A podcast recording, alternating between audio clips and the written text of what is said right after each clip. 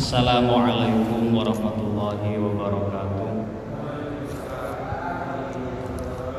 Bismillah, Alhamdulillah Wassalatu wassalamu ala Sayyidina Muhammad ibn Abdullah wa wala Rabbi syurah li sadri wa yassir amri wa hlul min lisani yafqahu qawli.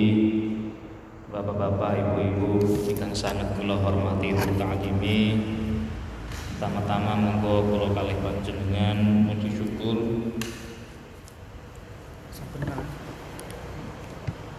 Muji syukur datang kersanipun Allah Subhanahu wa taala kanthi pausan alhamdulillahirabbil alamin. Shalawat lan salam Mugi-mugi kaunjuk dumateng panjenenganipun Nabi Muhammad sallallahu alaihi wasallam. Semoga kita kelak berkumpul bersama baginda Nabi di Jannatul Firdaus. Amin Allahumma amin. Sebelum kita memulai uh, acara ngaji bersama pada malam hari ini, kita baca Fatihah terlebih dahulu dengan harapan uh, kita mendapatkan barokah dan keberkahan dari Allah Subhanahu wa taala.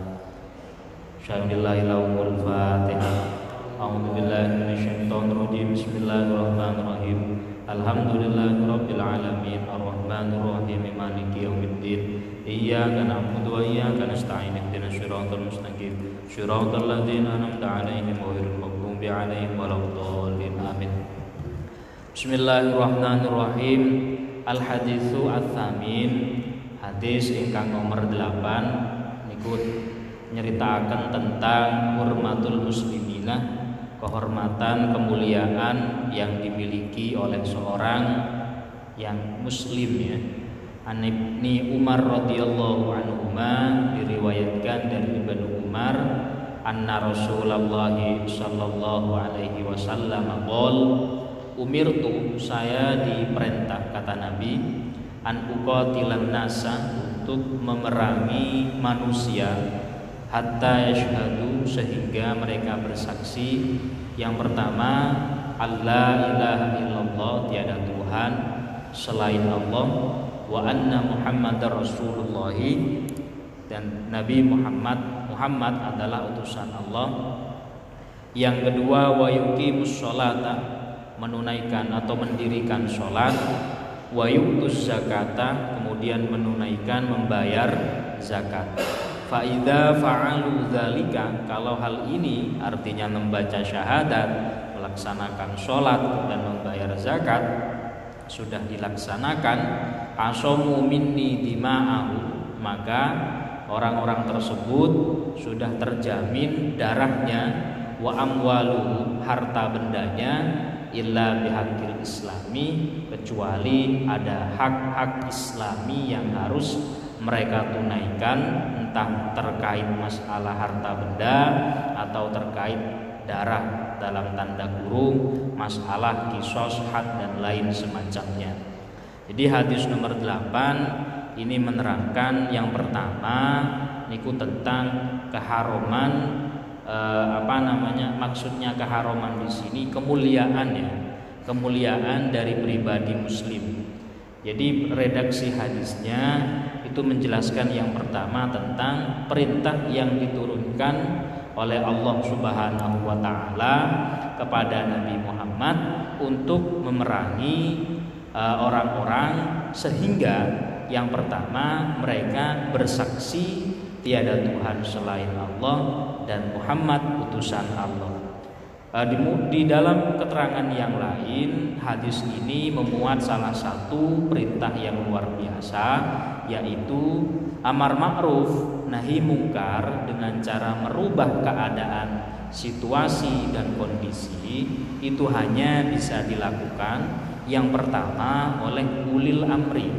Ulil amri di situ adalah orang yang memiliki kewajiban wewenang dan tanggung jawab Katakan kalau di Indonesia mungkin aparat pemerintah mulai dari mungkin Babinsa, kemudian kepolisian bahkan ke satuan militer itu semuanya yang memiliki wewenang untuk merubah kondisi amar ma'ruf nahi mungkar. Adapun perintahnya perintah amar ma'ruf nahi mungkar itu diperintahkan kepada seluruh masyarakat Islam pada umumnya namun memiliki situasi dan kondisi yang berbeda.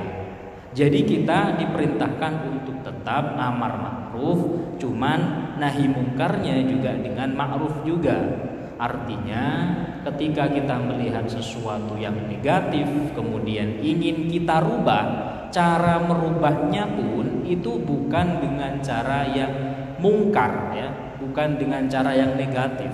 Artinya kalau kita bisa me, apa namanya mengkondisikan hal-hal negatif dengan tindakan misalkan it's okay itu tidak ada masalah. Tapi kalau seumpama kita melakukan ingin merubah sesuatu yang negatif dengan tindakan di belakangnya kok nanti terdapat hal yang lebih bahaya nah, maka kita dianggap orang yang tidak mampu sehingga kita turun sedikit dengan ucapan mungkin dengan mengingatkan dan lain semacamnya.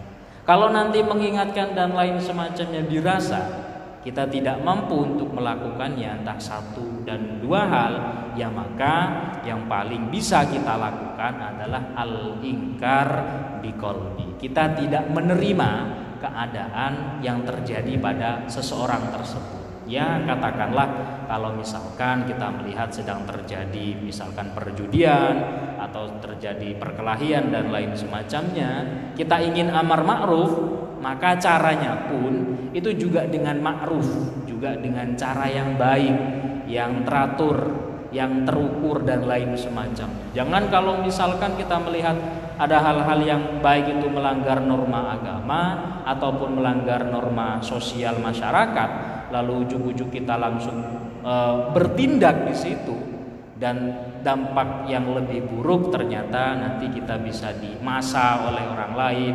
Nah, itu amar ma'ruf tidak dengan cara ma'ruf tapi amar ma'ruf dengan cara mungkar. Atau bisa jadi orang yang sedang kita ingatkan baik dengan perbuatan maupun ucapan kok menjadi bumerang terhadap kita lari dari kebenaran bahkan membenci apa yang kita katakan walaupun itu benar. Nah itu sebaiknya dihindari terlebih dahulu. Karena darul mafasid muqaddamun ala jalbil masoleh. Menolak mara bahaya menolak dampak negatif itu lebih didahulukan daripada mendatangkan sebuah kebaikan jadi menolak dampak yang jauh lebih negatif itu didahulukan daripada mendapatkan sebuah kebaikan. Itu makanya eh, kata-kata redaksi dari hadisnya umir tuh yang diperintah untuk merubah tatanan bahkan memerangi orang e, musyrik sampai mereka beriman itu adalah Nabi Muhammad saja Shallallahu Alaihi Wasallam. Yang lain itu sikapnya sesuai dengan situasi dan kondisi. Kalau e, mereka itu adalah memang orang yang punya wewenang, aparat pemerintah dan lain semacamnya, dan itu memang tugasnya, nah, maka amar ma'ruf di situ bisa benar-benar ditegakkan. Yang kedua yang ditekankan dari hadis ini hadis nomor 8 nah, ialah uh, yang yang kedua al-iktisor ala nutki bi syahadataini jadi seseorang ketika sudah membaca dua kalimat syahadat setelah membaca itu entah itu perbuatannya menyimpang dari agama Islam, ucapannya sudah tidak sesuai dengan tuntunan agama Islam, mungkin uh, perbuatannya juga di luar akhlak agama Islam. Orang tersebut haram darahnya itu halal, haram darahnya untuk dialirkan. Maksudnya sekeji seburuk apa pun Seseorang kalau sudah membaca kalimat syahadat Itu haram darahnya dialirkan. Nyawanya sangat dihargai Kehidupannya sangat diapresiasi Dan lain semacam. Ini mengingatkan uh, sebuah kisah pada waktu peperangan Sahabat Nabi ada yang bernama Usamah bin Zaid. Kala itu Usamah bin Zaid sudah menghunuskan pedang terhadap musuh yang sudah terpojok. Si Usamah ini ingin menebas si musuh tersebut. Itu kalau salah, salah perang Uhud atau perang Badar saya lupa. Nah, ujuk-ujuk musuh yang sudah terpojok tadi itu lantas seketika membaca dua kalimat syahadat. Asyhadu an la ilaha illallah wa asyhadu anna Muhammad Rasulullah. Tapi Usama yakin bahwasanya ini syahadat politik. Dia membacanya hanya untuk menyelamatkan diri. Lalu dia menebas lehernya. Seketika itu, setelah kejadian tersebut, Usama lapor kepada baginda Nabi. Apa respon Nabi Muhammad? Murka. Nabi Muhammad murka kepada Usama. Apa harus kau bedah dadanya, kau ambil jantungnya, lalu kau lihat di dalam adalah lafaz Allah. Cukupkah syahadat yang menjadikan seseorang tersebut terjaga hidupnya? Jadi saking marahnya Nabi itu tidak rela sampai Usamah melakukan hal demikian.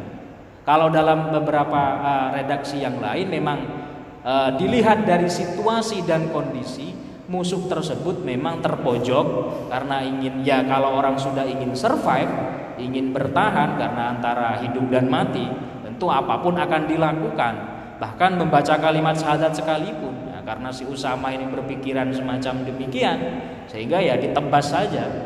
Hal itulah pada saat tersebut eh, Nabi merasa godok, Nabi merasa murka, tidak rela terhadap apa yang dilakukan Usama. Sekeji apa pun misalkan dipelintir bagaimanapun kalimat syahadat untuk tujuan apa pun kalau ada seseorang sudah melafatkannya dia sudah muslim sama dengan kamu. Hartanya nyawanya. Kemudian yang lain itu wajib kau jaga walaupun perilakunya walaupun akhlaknya walaupun kata-katanya itu tidak mencerminkan agamanya. Itu yang dimaksud dengan eh, kalimat-kalimat jaminan ya. Makanya uh, kata Nabi Muhammad, sebanyak apa pun dosa yang kita miliki, seluas apa pun dosa yang kita uh, dapatkan, kalau kita meninggal dalam keadaan iman Islam artinya masih berpegang teguh dengan dua kalimat syahadat, maka besar kemungkinan maghfirah ampunan dari Allah Subhanahu wa taala itu akan tetap ada.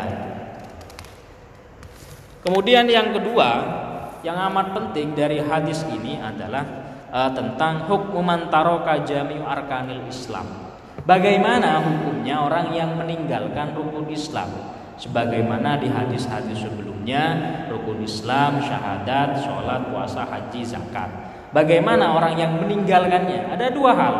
Orang yang meninggalkan rukun Islam karena malas itu dianggap fasik. Artinya orang yang fasik ya.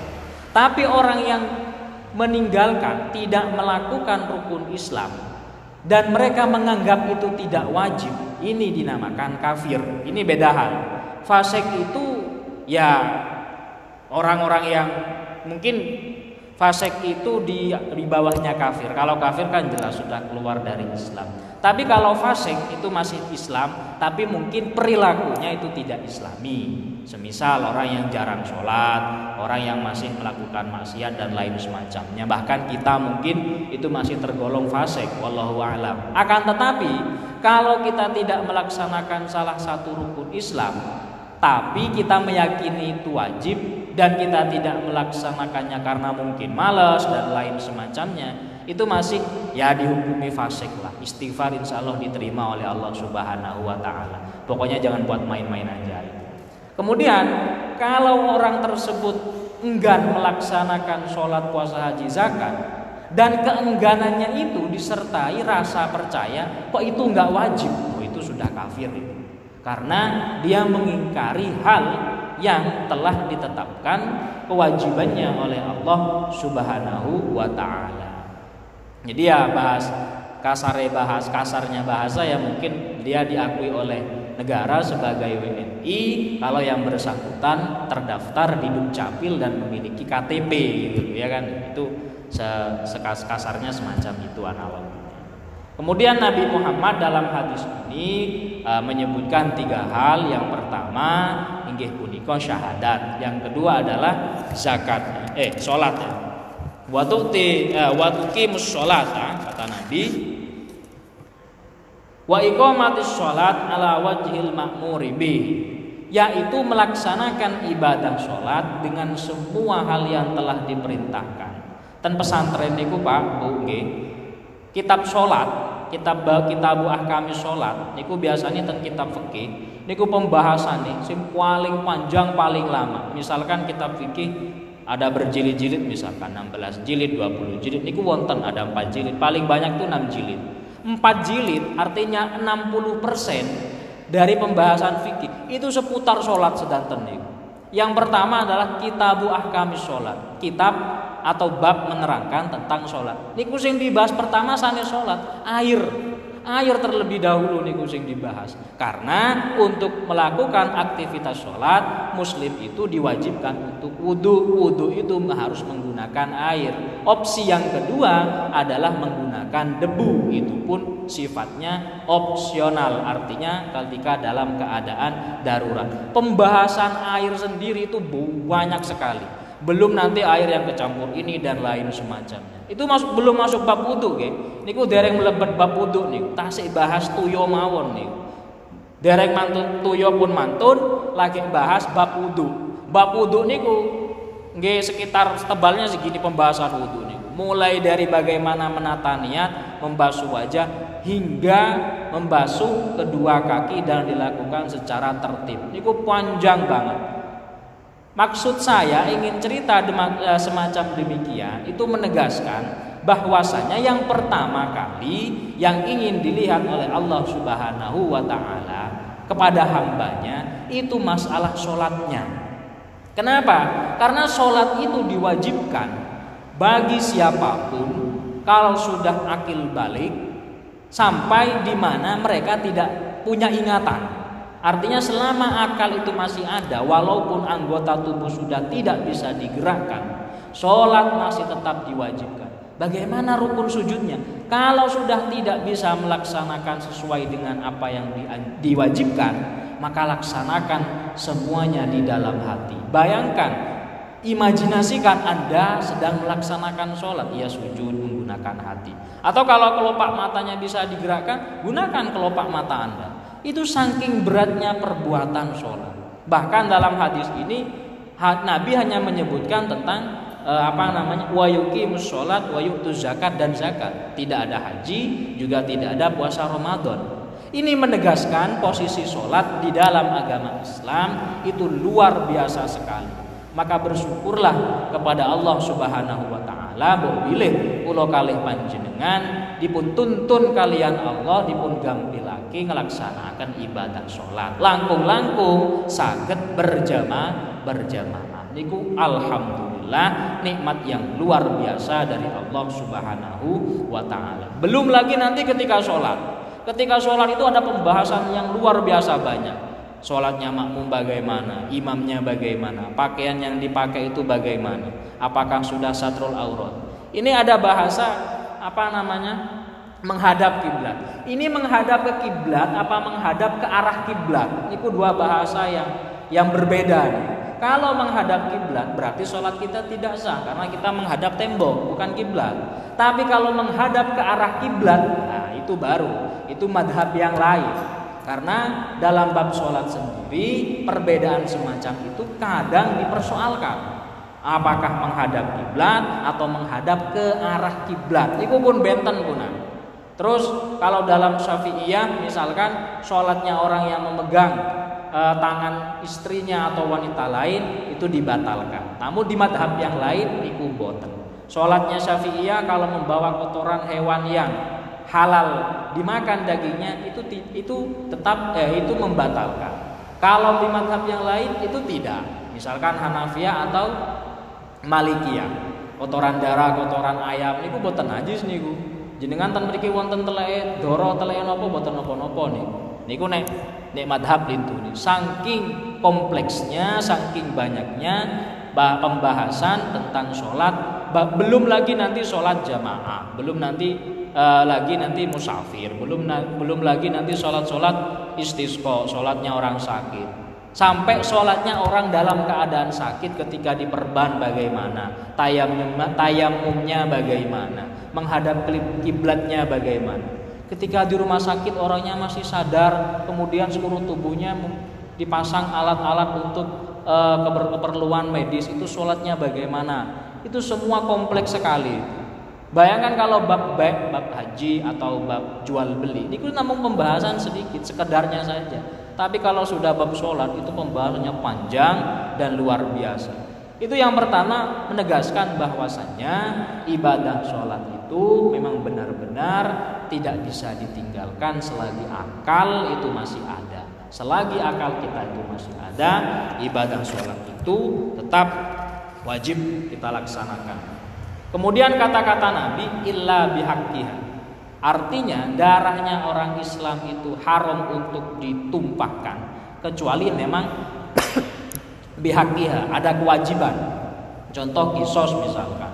Kalau di Indonesia mungkin kisos tidak berlaku. Tapi di kitab-kitab klasik bab kisos bab had itu benar-benar disampaikan dan diajarkan bagaimana supaya kalau intinya kalau dalam bab kisos itu kalau anda tidak ingin memiliki hal yang negatif kalau anda tidak ingin disakiti orang lain tidak disakiti siapa pun jangan menyakiti orang. Bah, oleh karena itu ditegakkan hukum kisos. Artinya untuk menjaga hak-hak orang lain nah, dengan cara. Kemudian yang terakhir dari hadis ini menjelaskan al-hisabu fil akhirati lillahi azza wa jalla. Seperti cerita Usamah di depan, kita tidak pernah tahu bahwasanya kita Islam, kita beriman, hisab kelak itu akan dilaksanakan oleh Allah Subhanahu wa taala sebagai hakim akhir kelak di hari kiamat. Adapun sekarang ini ketika masih di dunia ya kita standar saja. Nahnu nahkumu bid-dawahir. Kita menghukumi, menyatakan berpendapat sesuai dengan apa yang kita lihat. Kulo ketinggal jenengan berjamaah sedanten meriki monggoi kulo nggih jenengan tiang sae sedanten. Jenengan nggih wonten ten kulo dan lain semacamnya karena kulo boten nate mirsani jenengan ngelampai perkawis awon nggih jenengan nunggui kulo niku tiyang sae. Niku kaidah nahnu nahkumu bidawahir apa yang kita lihat ya itulah pendapat kita. Di balik hati ada Allah yang akan menghakimi kelak di hari kiamat. Semoga kita semua selalu mendapatkan uh, limpahan rahmat maunah serta hidayah dari Allah Subhanahu wa taala Sekian saking kula kirang lebihipun kula ngapunten ingkang kathah ihdinas siratal mustaqim. Assalamualaikum warahmatullahi wabarakatuh.